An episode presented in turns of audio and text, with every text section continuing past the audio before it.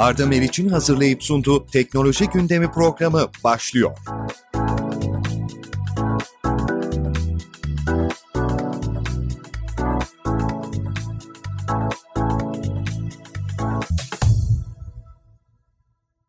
Sevgili dinleyiciler, Türkiye'nin en prestijli iş istasyonundan herkese merhaba. Güncel yaşam ve teknolojiye dair her şeyi konuştuğumuz, gündeme farklı bir bakış açısı getirdiğimiz Arda Meriç'le Teknoloji Gündemi başlıyor ve yine değerli bir konuğumu, ayrıca sevdiğim bir dostumu sizlerle bir araya getiriyorum. Karşınızda iş dünyasının tanınan ismi Kosifler Grup Kullanılmış Oto Pazarlama Direktörü ve Brain Grup kurucusu Emir Kosif. Hoş geldin Emir. Hoş bulduk, merhabalar. Nasılsın? Teşekkür ederim. Sen nasılsın? Ben deyim. Çok teşekkürler. Evet, bugün otomotiv sektörünün durumu, sıfır ve ikinci el otomobil piyasasındaki hareketlilik, teknolojik ürünler, spor, fotoğraf ve fotoğrafçılık, dijital sergiler gibi birçok farklı konuya sevgili dostum Emir Kosif ile birlikte program süresince değineceğiz.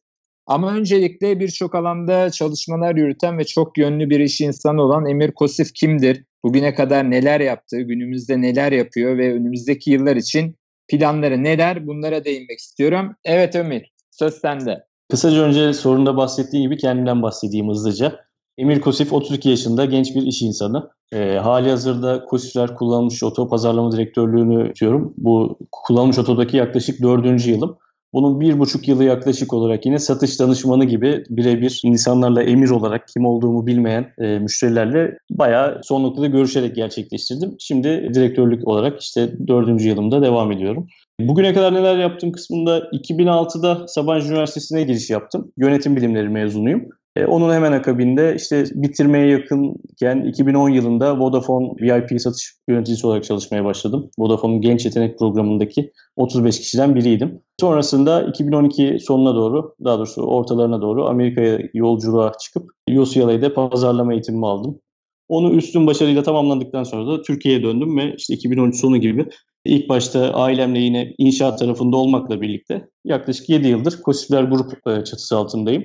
Bunun öncesinde çok küçük böyle eski günlerimden de bahsetmek gerekirse yaklaşık 10 yaşında ilk Fenerbahçe Fan Kulübü web sayfamı yaptım. Teknolojiyle her zaman içli dışlı olan bir çocuktum aslında. İşte 15 yaşında program yazıyordum. 16 yaşında Norton antivirüsün tanıdığı bir Trojan'ın virüsüm vardı.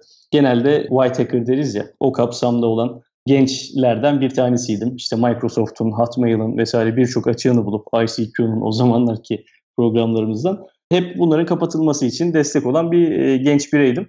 İnternet hosting hizmetleri verdim yine ortaokuldayken vesaire derken sonrasında baktım ki teknolojiyi çok seviyorum ama bu benim için işten çok hobi olarak daha keyifli oluyor. O yaşlarımda bunu hobi olarak sürdürmeye devam edip bugünkü Emir Kosif kullanmış oto pazarlama departmanında ki halime geldim açıkçası. Çok kısa bir özet yapmak gerekirse.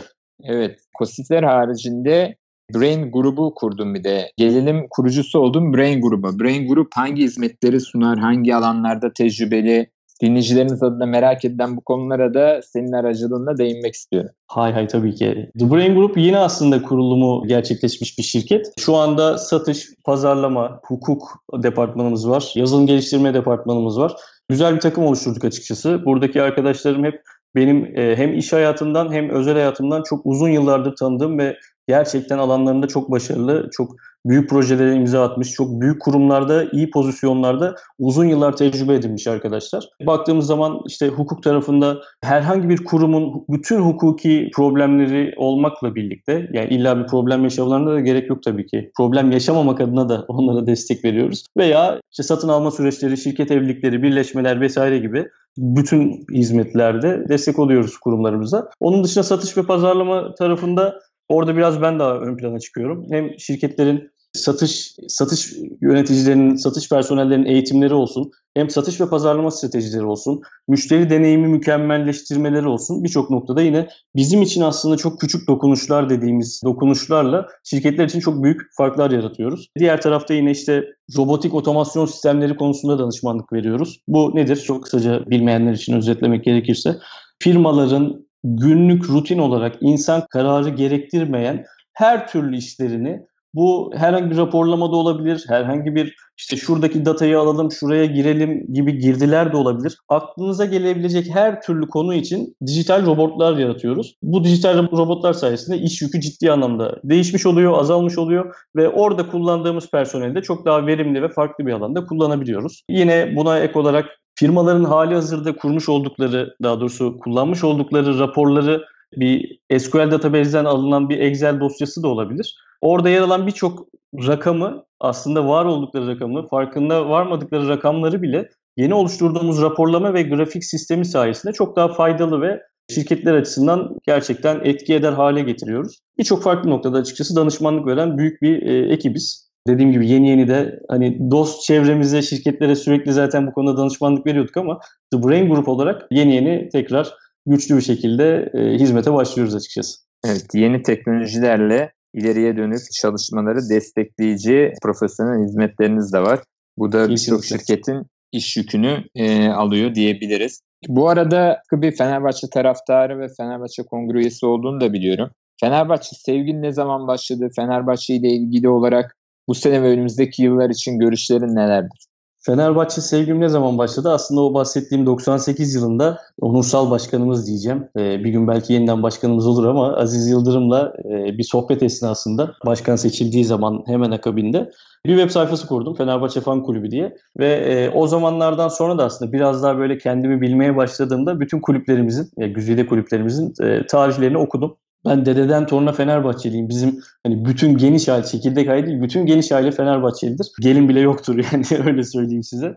Fenerbahçe sevgimi güçlendiren bir tarihimiz de olduğunu fark ettikten sonra zaten işte küçüklüğümden bugüne kadar hep Fenerbahçe'nin destekçisi ve gönül bağlı bir e, taraftar oldum açıkçası. İşte o kurduğum web sayfasında 98 yıllarında ki o zamanlar teknoloji hani interneti düşünürseniz çok kısıtlı imkanlarla olan bir süreç gerçekten. Çok az kişinin internete eriştiği yıllar diyebiliriz aşağı yukarı. O günün rakamlarıyla bile 2000 tane üyem vardı. 10 yaşında bir çocuk için gayet başarılı güzel bir e, Fenerbahçe girişimiydi açıkçası. Onun dışında bugünkü durumumuza tabii ki çok üzülüyoruz. Aziz Başkan'ın ayrılışından sonra bilmiyorum onun kalp kırgınlığının sonuçlarını mı çekiyoruz, bedellerini mi yaşıyoruz bilmiyorum ama gerçekten kötü bir süreç yaşıyoruz. Hem e, baktığımız zaman sportif anlamda başarılar hem ekonomik anlamda baktığımız zaman işte borsadaki hisse değerimiz vesaire bayağı çok fazla etken var gerçekten. Ama kulübümüz güzel işler de yapmıyor mu? Tabii ki yapıyor. İşte şu anda döviz borçlarımızı TL'ye sabitledik. Diğer kulüplere oranla gerçekten güzel bir adım oldu bu. Bunun dışında sportif başarılarda da biraz daha güçlü, biraz daha güzel kadrolar kurup biraz daha iyi işler yaparsak Fenerbahçe'nin önü açıktır mutlaka. Ama işte Fenerbahçe sadece sportif alanda değil birçok dış etkenle de mücadeleler olduğu için maalesef bazı engellere takılıyor ve aşmaya çalışıyor. İnşallah yönetimimiz de aldığı derslerle birlikte çok daha güçlü güzel bir Fenerbahçe kuracaktır diye ümit ediyorum. Evet, peki hepimizin içerisinde bulunduğu pandemi sürecinde futbol ve genel olarak spor karşılaşmanın durumunu nasıl görüyorsun? Şimdi statlarda seyircilerin yarattığı atmosfere geri dönebilecek miyiz? Yoksa son yıllarda gelişim gösteren ve pandemi süreciyle dikkatleri iyiden iyiye üzerine çeken e-spor mu daha çok öne çıkacak? Senin görüşlerin nedir bu konuda? E-sporun zaten öne çıkmaması çılgınlık olur diye düşünüyorum. Yani e, Fenerbahçe de bu konuda erken adım atan kulüplerden bir tanesi. Bu yüzden e, çok mutluyum aslında. Ama hani Türk insanı, ya dünyada da tabii ki futbol yine gücünü kaybetmeyecektir ama biz Türkleri özellikle düşünürsek stadyuma gitmeyi, bağırmayı, takımımızı desteklemeyi, takımımıza dokunmayı, takımımızın ürünlerini alıp destek olmayı çok seven bir ülkeyiz aslında baktığında. Ve mutlaka e-sporun gelişimi tabii ki bir yanda olacaktır ama mevcut futbol altyapısının da yani bu yine maça gidelim, izleyelim, destek olalım sürecinin yer alacağını ben çok düşünmüyorum açıkçası. Tabii ki hani pandemi sürecinde işte şu an maçlar oynanmaya başladı ama seyircisiz oynanıyor ve bugün televizyondan izlerken bile eminim ki kimse hani normal zamanda izlediği maçın keyfini almıyordur. Hani bırakalım maça gitmeyi. Dolayısıyla bu düzenin inşallah pandemiyi tamamen atlattıktan sonra eski haline döneceğine inanıyorum. Ama e-spor tarafının da Bugün nasıl ki bütün toplantılar artık internet üzerinden yapılabilir hale geldi. E-spor gibi oyunların da çok daha fazla destekçi bulup, çok daha fazla izleyici bulup kadem atlayacağına inancım sonsuz. Evet, e-spor gerçekten son yıllarda yükselen bir değer. Birçok ülkede de artık e, uluslararası spor dalı olarak görünmeye başlandı. Tabii pandemi süreci bunu biraz daha hızlandı. Neden? İnsanlar evde daha fazla vakit geçirdiği için evde hangi meraklara kendini daha fazla kanalize edebileceğini araştırdığında e-spor ilk sıralarda çıktı. Sosyal medyanın ardından e-spora da gönül verenler haricinde ilgisini çekenler olmaya başlayınca tabii ki tüm gözler bu noktaya çevrildi. Tabii ki stadyumun atmosferi çok daha farklı bir noktada. Dolayısıyla ben de senin görüşünü birleşiyorum. Önümüzdeki günlerde inşallah bu pandemi süreci atlatılınca statlarda insanlar daha güzel görüntüler sergileyecektir. Peki fotoğrafçılık konusuna gelelim. Fotoğrafçılık konusunda da oldukça ilgili olduğunu biliyorum. Fotoğrafçılığı hobi olarak mı yapıyorsun yoksa profesyonel olarak mı yapıyorsun bunu merak ediyorum. Ayrıca dünyanın dört bir yanındaki sokak hayvanlarının portreleriyle ilgili bir sergi çalışman da vardı. Covid-19 sebebiyle ertelendi. Şimdi fotoğrafçılık merakı nereden geldi? Fotoğraf çekerken ve çektiğin fotoğraflara bakarken yaşadığın duygular neler? Biraz dinleyicilerimize bahseder misin? Bunu merak ediyorum çünkü iş dünyasının yoğun temposunda insanın kendisine zaman ayırması ve kafasını rahatlatması gerekiyor. Senin de oldukça yoğun bir yönetici olduğunu bilerek yönetici örneği olarak da bu konudaki görüşlerini alıp dinleyicilerimize aktarmak istiyorum. Şöyle açıkçası fotoğrafçılık yine üniversite yıllarında hobi olarak başladığım, çok fazla hobisi olan bir insanım onu söyleyeyim öncelikle. 2006-2007 yıllarında hobi olarak başladığım güzel etkinliklerimden bir tanesiydi.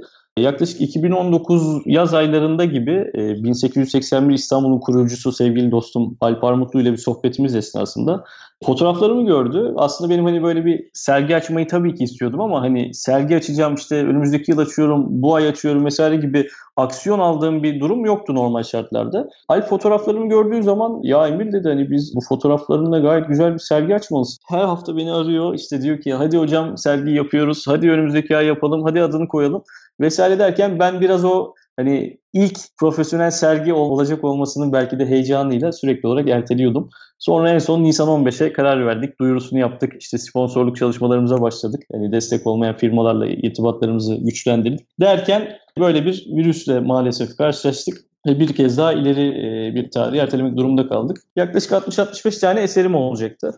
Ee, bunlar hep e, dünyanın dört bir yanında çekmiş olduğum sokak hayvanlarının portrelerinden oluşacaktı. Sokakta gördüğümüz, sadece Türkiye'de değil yurt dışında da her yerde sokakta gördüğümüz birçok canlının fotoğrafı e, olacaktı. Ve bu fotoğrafları alan insanlar da o sokak canları, can dostlarımız dediğim sokak canlarımıza e, destek olmuş olacaktı. Her bir tabloyla birlikte işte belirli oranda sokak hayvanlarımızın ihtiyaçları nedir bu? İşte yine biraz önce bahsettiğim gibi mama ihtiyacı, su ihtiyacı, barınaklardaki hayvanların bakım ihtiyaçları vesaire gibi konularda destek olacaktı. Bu sergi inşallah bu pandemiyi atlatır atlatmaz e, güzel bir şekilde hayata geçireceğiz. Ondan sonra yine e, Koştur Otobağda Caddesi'ne gerçekleşecek sergi. Sonrasında da İstanbul 1881 Galerisi'nde ve web sayfasında hem sergilenmeye hem satılmaya devam edecek. Böylece e, inşallah bu süreç boyunca can dostlarımıza can katmaya devam edeceğiz. Hedefimiz bu. Evet, buradan yola çıkınca sokak hayvanlarına da oldukça ilgi gösterdiğini görüyorum. Bu konuda söylemek istediklerin var mı? Sosyal sorumluluk projelerine katılıyor musun? Sosyal sorumluluk projelerine tabii ki el verdikçe yani vakit ve fırsatlar el verdikçe katılıyorum. Ben de bu sosyal sorumluluk projelerinden bir tanesinin öncüsü olmak istedim aslında. Bugün hani çok fazla hayvan severimiz de var. Maalesef çok fazla hayvan sevmeyenimiz ve onlara zarar veren insanlar da var. En azından sokak hayvanlarının o can dostları ismini koymamızın sebebi de bu aslında. Onlar hani bizim can dostlarımız ve her sokakta bizlerle birlikteler, bizlerle birlikte yaşıyorlar. Buna farkındalık çekmek ve onların hayat şartlarını iyileştirmek adına böyle bir kıvılcım oluşturacak bir sergi hayal etmiştim. Dolayısıyla tabii ki herkesi desteklemeye ve sokak hayvanlarına daha iyi şartlar oluşturmaya davet ediyorum. Bu konuda yine tavsiye edebileceğim özellikle huysuz ihtiyar diye de bir oluşum var. Bilmiyorum bilenler var mıdır? Mutlaka vardır. Yaklaşık özellikle pandemi sonrasında da 2500-3000 civarı can besliyorlar. Kendi yaptıkları ıslak mamaları, e, yemekleri aslında dağıtıyorlar. E, onlar da tamamen gönüllülük esasıyla hiçbir ücret e, almadan, hiçbir gelir elde etmeden tamamen profesyonel bir şekilde yürütmeye çalışıyorlar. Elinden kalan zamanlarda. İnsanlarımız aslında bu gibi oluşumlara da hani gerçekten nereye gittiğini gördükleri, gerçekten canlılara destek verdiğini bildikleri kurumlar aracılığıyla da olsa destek vermeye çağırıyorum. Onlar bizim için çok kıymetli. En az bizim kadar e, yaşamayı hak ediyorlar diye düşünüyorum. O yüzden bu farkındalığı biraz daha ön plana çıkartabilirsek ben de kendim adıma gerçekten çok mutlu olacağım. Evet bu farkındalık oldukça önemli. İnsanların biraz dikkat etmesi gerekiyor. Peki dijital sergiler hakkında ne düşünüyorsun? Özellikle COVID-19 sebebiyle dijital sergiler ve fuarlar oldukça merak uyandırdı ve birçok müze hı hı. bununla ilgili çalışmalar da yaptı. Bu konuya senin bakış açın nedir? Orada şöyle biraz önceki maç konusuna değindik ya hani e, stadyumlarda mı olmalı yoksa e-spor mu daha ön plana çıkmalı. Yine hani toplantılar vesaire açısından çok faydalı olduğunu düşünüyorum. Hem yolda kaybedilen vakit hem işte gittiğiniz geri döndüğünüz işteki verimliliğiniz adına dijital toplantılar ve dijital işler çok faydalı olduğuna yüzde yüz katılıyorum ama sergi dediğimiz noktada hani bana da çevremden dijital sergi olarak mı yapsan aslında gibi tavsiyeler geldiğinde onu çok yapmak istemedim açıkçası. Yani böyle sergide sergiye gelen insanlarla o göz temasını kurup duygu aktarımını daha güçlü yapıp daha verimli olunabileceğine inanıyorum. Tabii ki dijital olarak yapılabilecek işte seminerler, konserler vesaire çok güzel oluyor. Ama bu tür biraz daha hassas ve sosyal sorumluluk konusu olduğu için duygu aktarımı açısından dijitalin çok yeterli olacağına açıkçası çok emin değilim şu noktada. Dijital gerçekten hayatımızda birçok şeye kolaylık sağlıyor. Ancak Türk insanı olarak da biraz yakın teması ve sosyal ilişkinin konuşma esnasında yüz yüze olması gerektiğini düşünen tarzda bir milletiz. Dolayısıyla çok uzaktan olduğumu işler çok sanallaştığı zaman yavaş yavaş o şeyini kaybediyor. Cazibesini de kaybediyor. Bahsettiğim gibi stadyum olayı da aynı şekilde. Yine sergi olayı da aslında dijital tarafta yapılan çalışmalar daha çok zorunluluk ihtiyaçlarını gidermeye yönelik. Örneğin şirketlerin sürekliliğini sağlaması için veya ulaşılması gereken bilgilere ulaşılması için mutlaka yapılması gereken önemli konferansların yapılması için oldukça önemli, muhteşem bir olgu. Fakat böyle özel zevkler olduğu zaman bu bir zevktir çünkü yani sergiyi çıkarmak, sunmak ve sergiyi izlemek. E, müze de aynı şekilde. Bunun sanal ortamda olması çok cezbedici değil. Cezbedici olmamasının yanında katılındığı zaman aynı efekti de bırakmıyor. Dolayısıyla aşağı yukarı ben de seninle aynı fikirdeyim. Sevgili dinleyiciler Arda Meriç'le teknoloji gündemi tüm hızıyla devam ediyor. Emir Kosif'le söyleşimiz de tüm hızıyla devam ediyor. Emir, şirketler ve kurumlar birçok dönemde farklı krizler yaşıyor, geçiriyor. Pandemi sürecinde yaşanan da aslında genel bir kriz olarak görülebilir. Bu krize bakış açını öğrenmek istiyorum.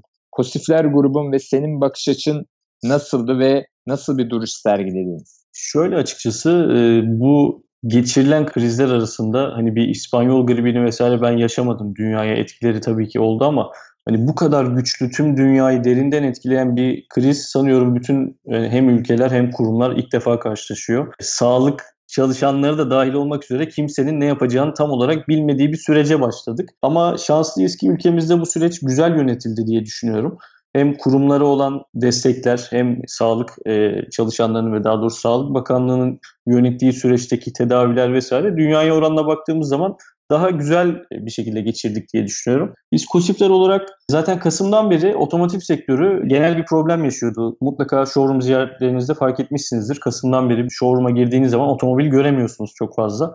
Ya bugün 40-50 tane araç koyduğumuz showroom'umuzda bizim 5-6 tane araçla geçirdiğimiz günler oldu ki hala da o eski rakamlara geldiğimizi söyleyemem.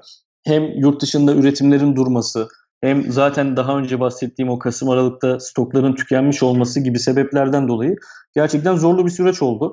Bütün otomotiv sektörü adına. Hem işte servisteki adetler düştü. Normalde 105, 110, 120 araç giren bir servise 15-20 araç girmeye düşündüğünü, yani girmeye başladığını düşünün. Bir diğer yandan Zaten satışlar tam düzeliyor dedik Ocak, Şubat gibi ama Mart'ta gelecek, Nisan'da, Mayıs'ta gelecek otomobilleri satıyorduk biz aslında baktığımızda. Mayıs'a kadar olan süreçte üretimlerin durması vesaire derken ciddi sıkıntılı, sancılı bir süreç oldu. Neyse ki çok şükür şu anda Mayıs sonu itibariyle üretimler tekrar başladı kademeli kademeli artırılarak da olsa en azından şu anda fabrikada bir otomobil üretiliyor ve Türkiye doğru yola çıkmaya başlıyor. Otomotiv sektörünün bu yılını düşündüğümüz zaman geçen yıla oranla daha şimdiden %40, %45 civarında bir artışla geçiriyor bütün bu kesintilere rağmen. İnşallah Ağustos-Eylül gibi sektörde bütün showroomlarda daha fazla otomobil görüyor olacaksınız. Ve inşallah bir daha ikinci dalga veya işte bitmeyen birinci dalganın güçlenmesi gibi şeyler yaşamazsak dünyada ve ülkemizde otomotiv sektöründeki problemler bir nevi düzelecektir diyebilirim.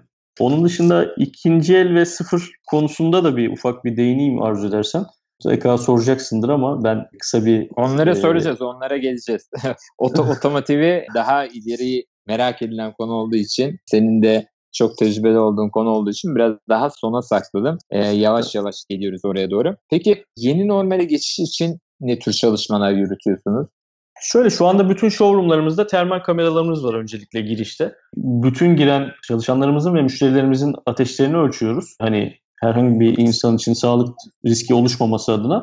Bir diğer yandan sürekli olarak showroomlarımızı, servis alanlarımızı, toplu alanlarımızı, bireylerin kullandığı özel odaları hepsini e, dezenfekte ediyoruz. Sağlık Bakanlığı'nın yapmamızı tavsiye ettiği her şeyi yapıyoruz açıkçası. O konuda da Sağlık Bakanlığı çok net ve güzel direktifler veriyor aslına bakarsanız. Yani ne yapmamızı ve ne yapmamamızı çok net bir şekilde ifade ediyorlar.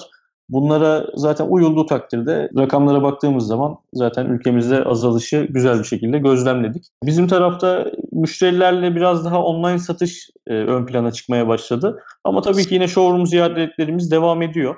Türkiye şu an tam olarak online satışa da hazır durumda değil ama yasaların el verdiği ölçüde online rezervasyon sistemlerimiz aktif halde. Otomobiller geldiği anda hızlı bir şekilde şu anda satılmaya devam ediyor. Yani sektörde aslında güzel bir toparlanma var Tek problemimiz şu anda otomobil e, stokları. Peki Covid-19 sence bireysel ruh halimizi nasıl etkiledi? Bakış açımızı değiştirdi mi genel olarak? Kesinlikle değiştirdiğini düşünüyorum. Bu süreci atlatırken iki farklı insan tipi ortaya çıktı bence. Bir tanesi çok sıkılıyorum, ne yapacağım, ne yapacağım bilemiyorum diyenler. Bir tanesi de ki ben bu ikinci söylediğim e, yapıda bir insanım. Biraz böyle hayata bir mola, mümkün mertebe bir dinlenme olarak baktım hani ben bilgisayarım ve telefonum yanımda olduğu müddetçe zaten her an çalışabilir durumdayım. İş anlamında çok etkilendiğimi söyleyemem ama psikolojik ve fiziksel anlamda bir dinlenme olarak gördüm süreci.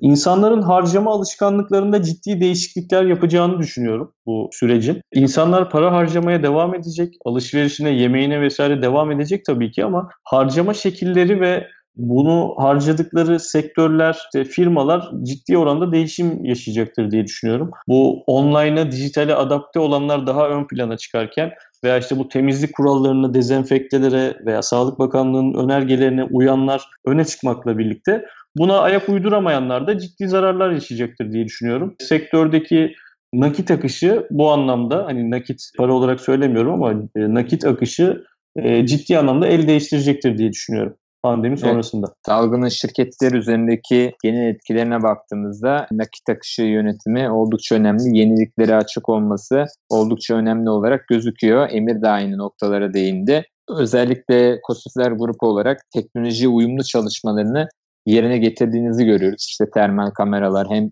çalışanların hem müşterilerin sağlığını koruyacak noktada çalışmalar yapılmış. Bu tür çalışmalara ve değineceğimiz online çalışmalara yatırım yapan şirketler önümüzdeki günlerde hem bu tür sorunlara hazırlıklı olacak hem de günü daha iyi kurtarabilecekler. Çünkü günü de kurtarmak önemli. Günü kurtarırken ileriye dönük çalışmaları yapıp böyle bir şeyle karşılaştığınız zaman böyle bir konuyla aksiyon alabilmek de önemli. O yüzden her daim hazırlıklı olmak gerekiyor. Demin değindik. Kısaca sen şöyle bir değindin online ticaretle ilgili. Online hmm. ticaretin ve online mağazacılığın gelişimini nasıl görüyorsun? Pandemi dönemi içerisinde özellikle bazı sektörlere dahil olan ürünlerin satışlarında büyük patlama yaşandığını görüyoruz. Tabii bu içinde bulunduğumuz dönemin etkisi olarak da adlandırılabilir. Sonrasında alışveriş alışkanlıkları online tarafta yükselerek devam eder mi bu süreç yoksa geçici bir algı olarak mı görüyorsun? E, buna bir değinelim. Ondan sonra otomobille ilgili tekrar konuya değineceğiz. Şöyle aslında çok güzel bir noktadan e, sormuş oldun yine. Eskiden de zaten internetten alışveriş çok sık yapan bir insandım ben. Şahsi olarak öncelikle cevap vereceğim. E, bu pandemi sürecinde normalde internetten alışveriş yapmayı çok tercih etmeyen insanlar da mecburiyetten dolayı dediğin gibi artık internetten alışveriş yapmaya başladı. Ve buna hazır olan özellikle hem gıda alışverişi yaptığımız firmalar, giyim, işte kozmetik vesaire gibi ihtiyaçlarımızı karşıladığımız firmalar çok fazla satış yapmaya başladı. Ve bir yandan bizim tüketici araştırmalarımıza baktığımız zaman da insanlar online alışverişten keyif alışveriş yapmayı tercih etmeyen insanların da bunun rahatlığından ve ev kapısına kadar ulaşmasından dolayı çok keyif aldığını e, gözlemliyoruz. Dolayısıyla pandemiden sonra işte biraz önce bahsettiğim gibi harcama alışkanlıkları değişecek. İnsanlar yine gömlek, tişört, işte kıyafet vesaire alışverişlerini sürdürecek ama bence perakende mağazalara gidip yani şubelerinden alışveriş yapmak yerine internetten alışveriş yapmayı daha çok tercih edeceklerdir diye düşünüyorum. Bugün baktığımızda gerçi hani üst segment markalarda yine araştırma yaptığımız zaman eski walk-in rakamlarının sadık müşteriler bazında devam ettiğini, hani günlük müşteriler değil ama devamlı müşterilerin hala showroomlarına gidip alışveriş yaptıklarını gözlemliyoruz ama bu bahsettiğim genel çatıya baktığımız zaman e-ticaret mutlaka öne çıkacaktır, güçlenecektir. Ve e-ticarete ayak uyduranlar, daha önceden beri bunu sistemini güçlü e, bir şekilde kurmuş olanlar daha da güçlenerek yollarına devam edecektir diye düşünüyorum. Online ticaret, online alışveriş aslında keyfine vardığınız zaman oldukça faydalı ve zaman kazandıran bir işlem olduğunu daha iyi anlayabiliyorsunuz. Sadece online alışveriş dediği online işlemler örneğin bugün e-devlet üzerinden yapılan işlemler olsun, vergi dairesi üzerinden yapılan işlemler olsun. Özellikle şu anda pandemi sonrasında yeni normal dönemde tabii ki çok dikkat edildiği için işte belirli mesafe kuralları var, içeride belirli kişinin olması var. Bu mağazalar için de geçerli, kurumlar için de geçerli. E, ama online olarak serbestsiniz. Ürene istediğin kadar bakabilirsin, istediğin araştırmayı yapabilirsin. Oldukça hızlı ve daha rahat alışveriş yapabiliyorsun. Tabii bir de güvenilir yerden alışveriş yaptığın zaman belirli haklarım var. 14 gün içinde koşulsuz iade hakkı var devletin sağladığı. Memnun kalmadığınız zaman ürünü iade edebiliyorsunuz segmentlere uygunsa. Yani bu gibi noktalar müşteriler tarafından fark edildiği zaman sen de girişimci olarak yıllar evvel yaptığın çalışmalardan dolayı online'ın ne kadar önemli olduğunu zaten biliyorsun. Demin de dinleyicilerimize aktardın. E, bundan sonraki süreçte de online olmadan yaşamak, şirketlerin yaşaması çok zor. Çünkü artık e, online da bulunmak bir nüfus kağıdı gibi oldu. Şirketin bir sicil belgesi gibi oldu. Artık aynı zamanda bunu ticari olarak aktifleştirmek de yaptığınız çalışmalarda, online'da yaptığınız aktif çalışmalarla öne çıkabilecek konumda. Onun için bundan sonraki süreçte sen de benim gibi online'ın oldukça önemli olduğunu ve yükselerek devam edeceğini düşünüyorsun. Çünkü şu anda ülkemizdeki pazar da oldukça gelişime müsait, gelişime açık bir pazar. Ne kadar her gün online ilgili konuşsak da şu andaki normal pazarın çok çok altında. O yüzden gelişime açık olduğunu rahatlıkla söyleyebiliriz. Peki bu süreçte otomobil satışları da online olarak gerçekleştirilmeye başlandı. Hatırı sayılır derecede birçok marka hem satış hem de servis hizmetlerini hızlıca online olarak çalışmaya adapte etti. Bu durumu nasıl değerlendiriyorsun? Sence sürdürülebilir bir çalışma mı?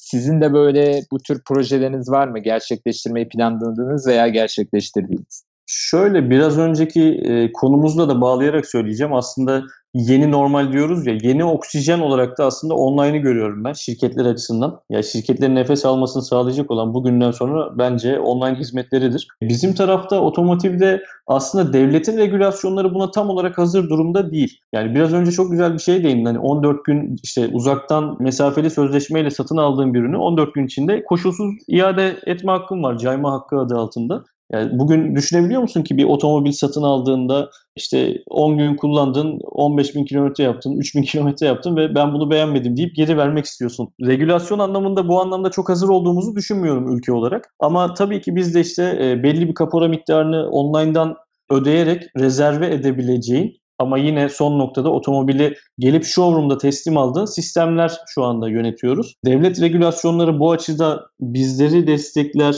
tüketiciyi koruyacak ve bizi de koruyacak şekilde güncellenirse eminim ki online satış çok daha aktif ve faydalı hale gelecektir. Bugün biz de hem gerek servis randevularımız olsun, gerek satış rezervasyonlarımız olsun, müşterilerimizle hem telefondaki görüntülü konuşmalar aracılığıyla hem de web sitemizdeki formlar aracılığıyla sunabilir hale geldik. Tam olarak mükemmel olarak işliyor mu servis şu an tam adapte oldu mu firmalar buna derseniz? Bence henüz mükemmel noktasına erişmedik.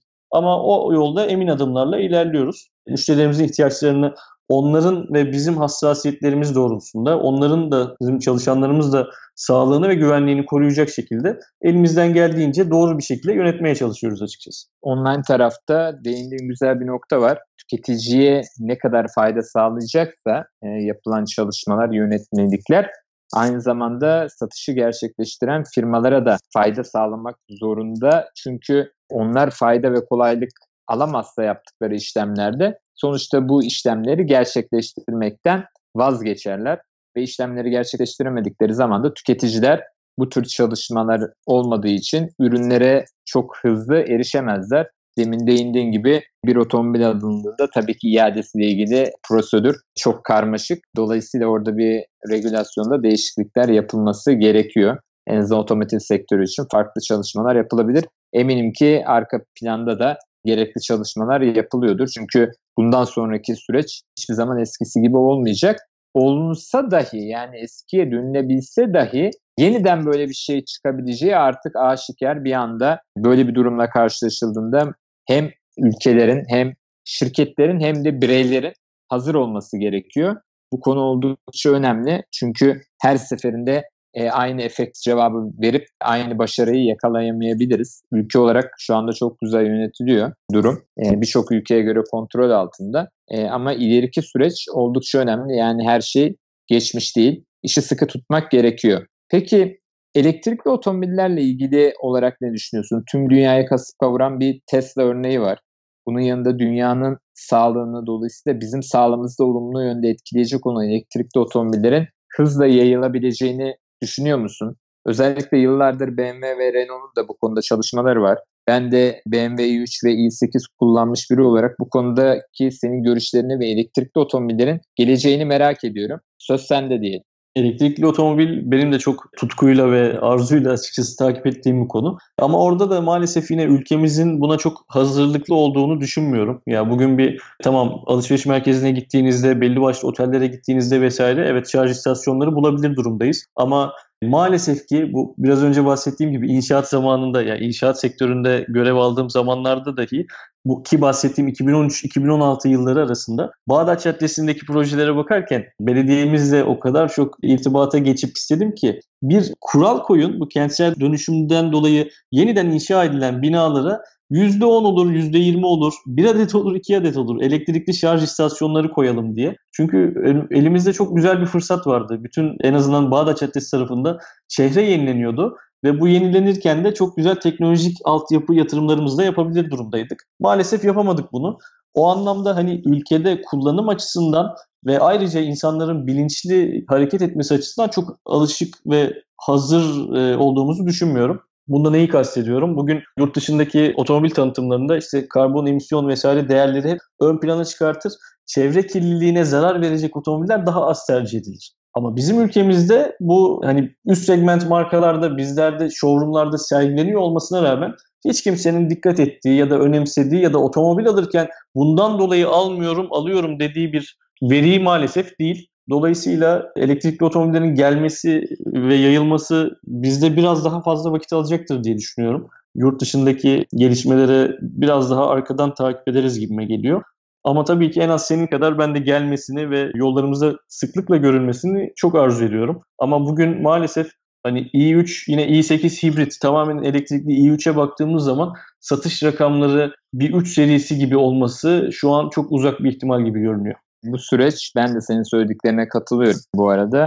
Bu süreç belki yerli otomobilin piyasaya sürülmesinden sonra biraz değişebilir. Çünkü elektrikli otomobillere olan ilgi biraz daha artacaktır. Öteki yıllar aslında çok şeye gebe diyebiliriz. Çünkü benzinle çalışan otomobiller yavaş yavaş dizeller zaten dünyadan çekilmeye başlayacak. Yerini elektrikliye bırakabilir. Çünkü elektrikli otomobillerin çok fazla faydası var. İşte sessiz çalışması, çalışma sisteminin daha basit olması ama tabii birçok sektörü etkileyecek.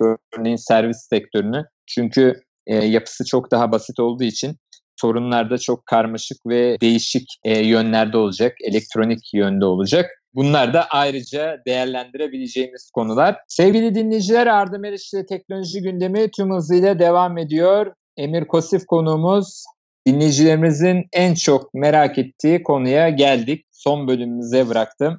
Otomotiv sektörü. Otomotiv sektörü ilk çeyrekte nasıldı? İlk çeyreğin ardından gelen pandemi sürecinden bugüne geçen süreçte yani içinde bulunduğumuz yılın ikinci çeyreğinde durum nasıl? Otomobil satışları geçen yıla göre hangi seviyede?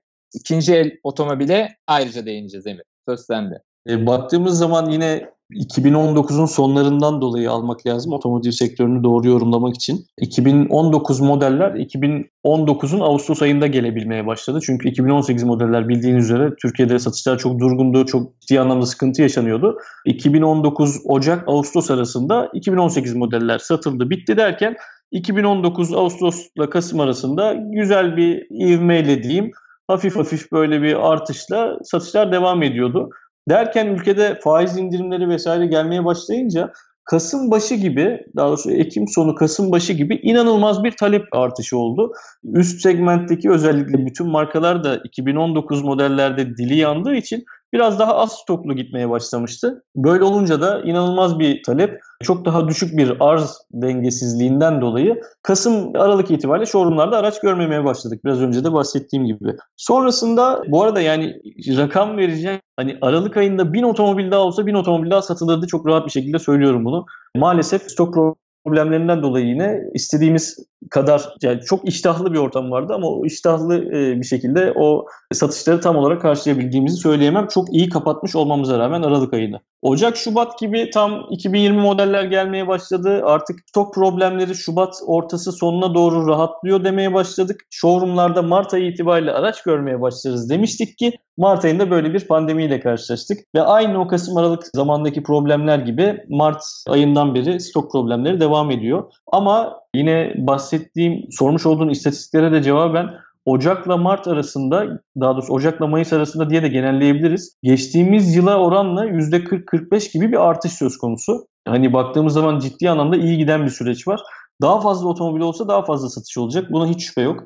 İki gün önce 800 adet otomobil açtık. 1, 2, 3 e, serisi olmakla birlikte özellikle yeni modellerimizden. Yani inandırıcı gelmeyecek belki ama gerçekten bir buçuk saat içinde 800 otomobilin tamamı satıldı. Yani ve eminim ki bugün 500 otomobil daha açılsa o 500 otomobil de anında satılacak. Verdiğin rakamlar ilginç. E, aslında benim de merak ettiğim bir soru geliyordu arkadan. Yeni model otomobillere talep eski yıllarda olduğu gibi devam ediyorum. Yani açmak gerekirse yeni çıkan modeller, yeni tasarım çizgileri ve kasalar olduğu zaman eski modelleriyle hemen değiştiriliyor mu? Yoksa bu noktada bir yavaşlama var mı diye soracaktım sana. Cevabını önden vermiş oldun. Zannedersem aslında elde otomobil olsa özellikle devamlı olarak sizin marka modelleri alanlar aynı şekilde değiştiriyor demek. Öyle değil mi? Herhangi bir yavaşlama yok anladığım kadarıyla. Şu düzeltmeyle beraber cevap vermiş olayım soruna. 2017 yılından beri bizim gövde değiştiren otomobillerimiz oldu. Hani baktığımız zaman 2017, 2018 ve 2019'da o etki çok fazla yoktu. Aksine %50, %60 arası daralan bir pazarımız vardı. Ama 2019 Kasım gibi dediğim gibi ekonomik anlamda hem ülkemizdeki faiz indirimleri hem genel ülkedeki bir nakit akışındaki canlılık derken 2020'ye çok güzel bir giriş yaptık. Yani son 3-4 yıla göre güzel diyeceğimiz bir giriş yaptık. Ama maalesef işte bu yaşanan problemlerden dolayı tekrar bir yavaşlama oldu. Ağustos Eylül itibariyle bu stok problemleri çözüldüğünde 2020'yi 19'a göre çok daha güzel ve bol satışlı geçireceğimizi düşünüyorum. 2020'de değişen gövdeler çok hızlı ivmeyle satış görüyor. Ya oranla yani son 3-4 yıl oranla çok daha hızlı bir şekilde yollarda yeni otomobilleri görüyor olacağız. Normalde geçtiğimiz yıllarda erişilen rakamlara şimdi çok daha önce ve otomobiller showroomlara gelmeden önce. Bu da kritik bir nokta. Hani artık insanlar ki bu bir yaklaşık 2-3 ay daha belki 4 ay daha devam edecek. Otomobili gördüm, içine bindim, beğendim, satın alıyorumdan ziyade ekranda görerek yine aslında o online satışa dönüyor. E, otomobili görmeden sadece ekrandaki gördüğü görseller ve donanım bilgileriyle satın almaya başladı insanlar. Cuma gününden bahsettiğim bu 800 otomobilin tamamı Temmuz ortası sonu gibi gelecek otomobillerdi.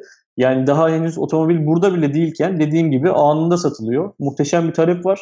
Yani özetlemek gerekirse şu anda durum bu. Ee, inanılmaz bir talep var. Arz da bunu desteklemeye başladıkça çok güzel satışlar devam edecektir 2020 yılı içerisinde.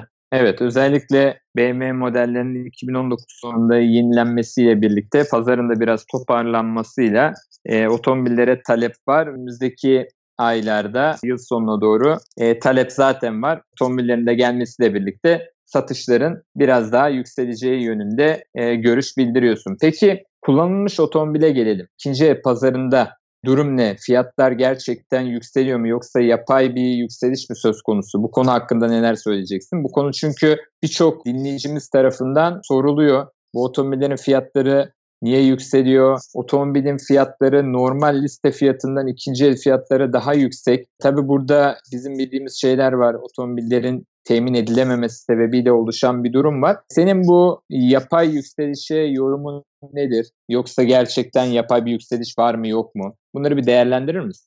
Tamamen dediğin gibi yapay bir yükselme var tabii ki. O da şöyle aslında her sektörde böyledir bu. Bir mal ne kadar az olursa ortada, e, pazarda e, o kadar kıymetlenir. Haliyle sıfır otomobil olmayınca, insanlar e, sıfır otomobil alamayınca kullanılmış oto tarafındaki otomobiller de sayıcı azaldı. Yenisini koyamayacakları için satma fikrinden vazgeçmiş oldu insanlar. Ve dolayısıyla da fiyatlar çok ciddi bir şekilde yukarıya çıktı.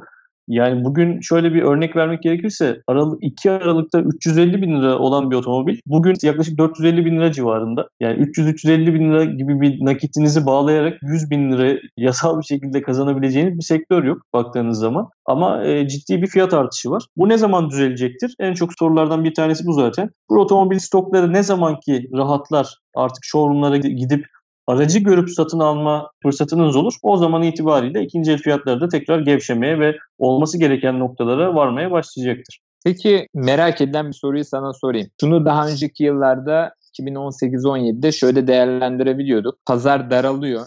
Yani daralmaya göre tabii ki otomobil üreticileri Türkiye'ye belirli adette ürün çekiyorlar. Çünkü e, otomobil üreticileri tüm dünyada satış yapıyor ve farklı ülkelerde grafikler yükseliyorsa fabrikadan çıkan ürünleri o taraflara yönlendiriyorlar. 2019 sonu itibariyle Türkiye'de oluşan bir talep artışı var ve dikkat ettiğimizde de ikinci el otomobillerin fiyat yükselişlerinin bu yapay yükselmenin de artık tavan yaptığı nokta 2019 sonu itibariyle başlıyor ve hala süre gelir şekilde devam ediyor. Neden otomobil gelmiyor? Yani bu spesifik bir marka için de geçerli değil. Tüm markalarda aynı sorun var. Yani bugün reklam çıkıyor televizyona. Televizyonda reklam izliyoruz, sosyal medyada reklam izliyoruz. Gidiyorsun galeriye, otomobil yok. Ne zaman gelecek bilgisi yok. E, peki en erken ne zaman gelir? 3 ay sonra. Şimdi burada bir tezatlık oluşuyor. Yani talep var, otomobil yok. Tabii ki senin de değerlendirmen gibi ticaretin kanunu gereği ürün olmayınca eldeki ürünlerin fiyatı liste fiyatı sıfır olan otomobillerin bile üzerine çıkıyor. Neden? Çünkü liste fiyatı var ama ürün yok ortada.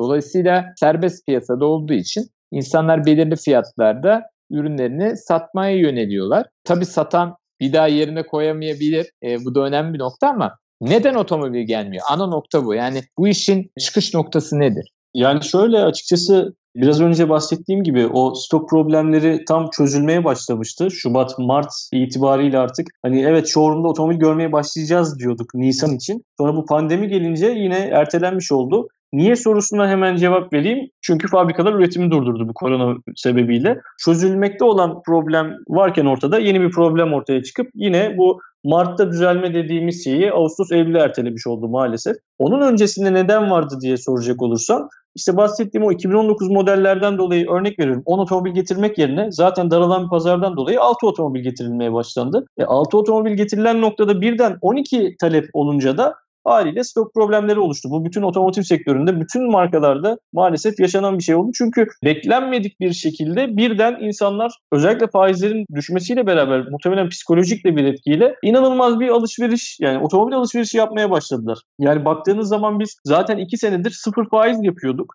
Hani 150 bin TL, 200 bin TL sıfır faiz, 12 ay sıfır faiz vesaire gibi kampanyalarımız sıklıkla oluyordu. Ama o dönemde yakalayamadığımız ivmeyi bu genel faizlerin düşüşüyle beraber yakaladık ki şu an tam olarak sıfır faiz yapmıyoruz açıkçası baktığınız zaman. Hani 0.39, 0.89 gibi model ve işte 0 ikinci el arasındaki faiz değişiklikleri olmakla birlikte bugün çok daha yüksek oranlarda satış yapıyoruz. Oldukça önemli bir konuydu. Çünkü insanlar ürünleri temin edemediği zaman işte örnek veriyorum 150 bin liralık sıfır otomobili 170 bin TL, 160 bin TL'ye ikinci eli az kullanılmış da olsa 500 kilometrede, 1000 kilometrede görünce e, tabii ki sorguluyor. Bize de çok soru geliyor. E, otomobilin perakende satış fiyatı bu ama ikinci elde bu fiyata satılıyor ve hakikaten böyle nasıl oluyor dendiğinin e, neden sorusunun cevabını Emir'den almış olduk. En azından net bir şekilde olayın nereden kaynaklandığını söyledi bize. Süreç pandemi sürecinde tabii ki fabrikalardan dolayı bir yavaşlama var. Ondan dolayı geç oluyor. Ancak öncesinde de bu vardı. Yani 2019 sonunda da bu vardı. Ocak, Şubat ayında da bu vardı. Sebebi de daralan pazarda aslında tabir etmek gerekirse markaların önünü net görememesi, o konudaki, o pozisyondaki yöneticilerin doğru tahmini yapamaması sonucunda belirli markaların ürünleri Türkiye'ye gelemedi. Gelemeyince de talebi karşılayamamış oldu. Müsaadenle Tabii. bir ufak ekleme yapmak isterim. Ee, hani bu sıfır fiyatlarından daha pahalıya gördüğümüz ikinci ellerle alakalı. Bazen yaşadığımız diyaloglar haliyle oluyor bizim de müşterilerle. Örnek veriyorum sıfırı 660 bin lira, 670 bin lira olan bir otomobili 2 ay sonra teslim olarak müşteriye sunduğunuz zaman o 650 bin liralık otomobil 730 bin liralara, 720 bin liralara hemen teslim olarak başkası tarafından satışta gördüğü zaman ya şu an öyle bir alım iştahı var ki olsun ben bugün almak istiyorum diye o 720 bin lirayı veriyor insanlar. E böyle olunca da haliyle zaten sıfır otomobil olmadığı için kullanılmış oto fiyatları da maalesef araçlar kıymetli olduğu için yukarıya çıkmış oluyor. Tam olarak durum bundan ibaret aslında. Evet tam tam bir arz talep söz konusu diyebiliriz. Bu konu oldukça önemliydi senin değindiğin. Niye böyle fiyatlar? İşte bu yüzden böyle. Aslında fiyat şişirme mi şişirme. Ama bugün istiyorsanız e, bunun bir bedeli var. Bedeli de maalesef galeriler veya otomobil markaları şu anda elde olmayan sebeplerle karşılayamadığı için e, bir türlü farklı noktalara gelirler kaymış oluyor. Peki insanlar kullanılmış otomobil tercih etmeli mi? Etmeliyse neden ve hangi sebeplerle tercih etmeli? Tabii ki bu konuda profesyonel olarak senin görüşün çok önemli. Profesyonel olarak bu işi yaptığından dolayı özellikle profesyonel noktaların tercih edilmesi de çok önemli. Bu konuyla ilgili olarak dinleyicilerimize tecrübelerini aktarır mısın? Tabii ki orada gönül rahatlığıyla şunu söyleyebilirim. Özellikle yetkili, yani markadan bağımsız olarak konuşuyorum. Bunu hani BMW, Mini, Land Rover, Jaguar bizim grubumuz markaları haricinde Mercedes olsun, Audi olsun, Fiat olsun, Renault olsun, Honda olsun hiç fark etmez. Alacağınız herhangi bir otomobili otomobilin daha doğrusu markanın yetkili herhangi bir satış noktasından bütçeniz doğrultusunda uyan en iyi şartlardaki kullanılmış bir otomobil almanızda hiçbir sakınca yok. Ben gönül rahatlığıyla kendi dostlarıma hani tabii ki bazı insanlar o otomobile ilk defa ben binmek istiyorum diyor ve kullanılmış otomobil almayı tercih etmeyebiliyorlar. Ama ben açık yüreklilikle söylüyorum. Gönül rahatlığıyla söyleyebilirim ki yetkili bir bayiden bulacağınız, hani bu illa çok eski bir otomobil olmak zorunda da değil. Bir yaşında, bir buçuk yaşında az kullanılmış ve temiz kullanılmış. Bunları sonuçta yetkili bayide ekspertiz raporlarıyla tamamen edinebildiğimiz bilgiler bunlar. Bulduğunuz zaman kullanılmış bir otomobil almakta hiçbir sakınca yok. Ee, bizim markalarımızdan bahsetmek gerekirse biz hani bu bahsettiğim 1-1,5 yaşındaki otomobillere aynı sıfırda almış olduğunuz gibi bugün itibariyle geçerli olacak bir 2 yıl garanti veriyoruz. Buna sahip olduğunuz zaman ve baktığınız zaman işte biri 600 bin lirayken biri 520-530 bin liraysa Tabii ki herkesin harcama alışkanlıkları ve tercihleri farklı ama ben o 520-530 bin liralık otomobil de almayı uygun görüyorum açıkçası.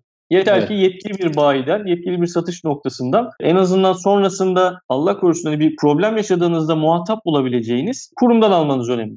Evet, ikinci el otomobil almak isteyenler için dikkat edilmesi gerekenleri de aslında kısaca sıralamış olduğu emir. Kaynağı bilinen bir noktadan alınması oldukça önemli. Yani ileride bir sorun çıktığında muhatap olarak bir firmanın karşınızda olması çok daha önemli. Özellikle garantisi bitmiş olan e, veya bitmeye yakın olan otomobillerde. Peki merak edilen bir konu daha var. Amerikan otomobilleri tarzında otomobillere Türkiye'de ilgi duyuluyor mu? İlgi uyandırıyor mu? Yoksa daha çok Avrupa tarzına yakın daha ufak tasarımlı şehir içi otomobiller mi beğeniliyor? Yani birçok müşteriyle iletişimde olduğundan bu sorunun cevabını verebilecek insanlardan birisin. Büyük otomobiller mi Amerikan tarzı yoksa böyle Avrupa şehirlerine, metropollere uygun ufak otomobiller mi daha çok tercih ediliyor? Şöyle aslında zaten satış istatistiklerine baktığımız zaman da Avrupa otomobillerinin daha fazla yollarımızda olduğunu hep birlikte görüyoruz. Ama bir yandan hani SUV araçların normalde e, yurt dışında engebeli arazilerde kullanılan otomobillerin bile bizim İstanbul sokaklarımızda, yollarımızda bile sıklıkla tercih edildiğini görüyoruz. Bu tamamen kişilerin işte otomobilden beklentisi, e, sürüş keyfini farklı şekilde yaşamak istemesi kaynaklı olarak değişiyor. Ama daha çok e, ben Avrupa araç, Avrupa'dan gelen otomobillerin, Avrupa markalarının ve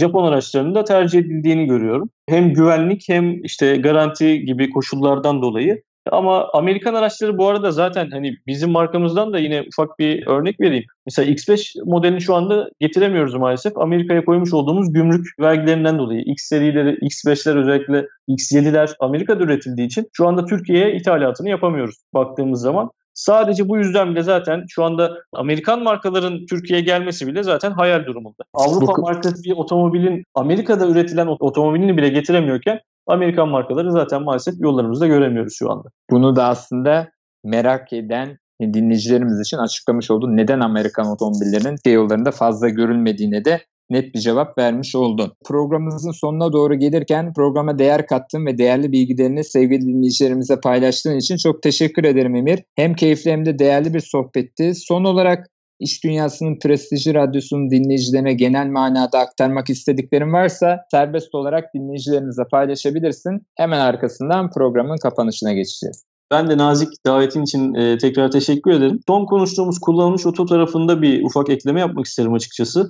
E, sadece otomobil alırken değil, otomobil satarken de yetkili bayileri tercih etmelerini öneririm kendilerine. Yani ne demek istiyorum? Bugün siz otomobil satmak istediğinizde herhangi bir ilan sitesine ilan girdiğinizde otomobilinizi satmak gerçekten hem uğraş gerektiren hem de dikkat edilmesi gereken çok fazla yasal boşluk bulunduran bir e, sektör. Yani maalesef çok fazla dolandırılan, kandırılan, e, otomobilin ya da parasını kaybeden insan oluyor. Dolayısıyla bu işin profesyonel olarak yapan Hani biz Kosifler Oto gibi kendilerine yakın gördükleri ve güvendikleri markaları tercih ederek o markalar aracılığıyla satış yapmalarını tavsiye ederim. Bu nedir? E, bugün bana otomobilinizi getirip işte bir e, aramızda sözleşme yapıp e, size ben takas bedeli gibi e, normal satış rakamının daha altında bir rakam vermek yerine sizinle konuşup örnek veriyorum işte bu otomobil 12 lira ediyor 12 liraya satarız şu kadar komisyon alırız sonrasında satılır satılmaz size ödemenizi yaparız gibi gibisinden yapılacak bir anlaşmayla güvenli bir şekilde de otomobilinizi satabilirsiniz. Hiçbir detayla uğraşmak zorunda kalmadan. Sadece otomobilinizi yedek anahtarıyla birlikte bana teslim ediyorsunuz. Sonrasında bir satış vekaleti veriyorsunuz gibi basit bir süreç düşünebilirsiniz. Dolayısıyla özetle hem otomobil alırken hem otomobil satarken yetkili bayilerle çalışmalarını ve şahıslardan ziyade kurumları muhatap almalarını tavsiye ederim. Onun dışında özetleyecek olursak otomotiv sektörü toparlanmak üzere ekonomik anlamda zaten ülkemiz iyiye doğru gidiyor. Sektörümüz de çok iyiye doğru gidiyor. Bu Ağustos-Eylül gibi stok problemlerimiz de çözüldükten sonra İnşallah eski günlerimizdeki gibi otomobillere binip görüp istediğimiz otomobili hemen teslim şeklinde satın alabilir duruma geleceğiz. Bunun dışında hem satış hem pazarlama hem hukuk hem yazılım geliştirme hem bahsettiğim robotik işlemler konusunda destek veren The Brain Group'la da her zaman e, tüm isteyenlere, tüm seçkin kurumlara hizmet vermeye devam edeceğiz, ediyoruz. Sormak istedikleri bir şey olursa herkes benimle de sosyal medya aracılığıyla da irtibata geçebilir. Sen de bu konuda çok açık iletişime sahip bir insansın. Seninle de çok güzel iletişimlerimiz oluyor. Dolayısıyla tekrar sana da nazik davetin için çok teşekkür ediyorum. Keyifli, güzel bir hafta diliyorum. Teşekkürler. Kosifler Grup kullanılmış otopazarlama direktörü ve Brain Group kurucusu Emir Kosif'e tekrardan teşekkür ediyoruz. Sevgili dinleyiciler, Türkiye'nin en prestijli iş istasyonu Endüstri Radyo'da Arda Meriç'e teknoloji gündemi bugün sona eriyor. Arda Meriç'e teknoloji gündemi resmi mobil uygulamamızı ve içerisindeki sürprizleri takip etmeyi unutmayın. Önümüzdeki programda yine değerli bir konumla birlikte sizlerle bir araya gelmek üzere. Şimdilik hoşçakalın, sağlıkla kalın.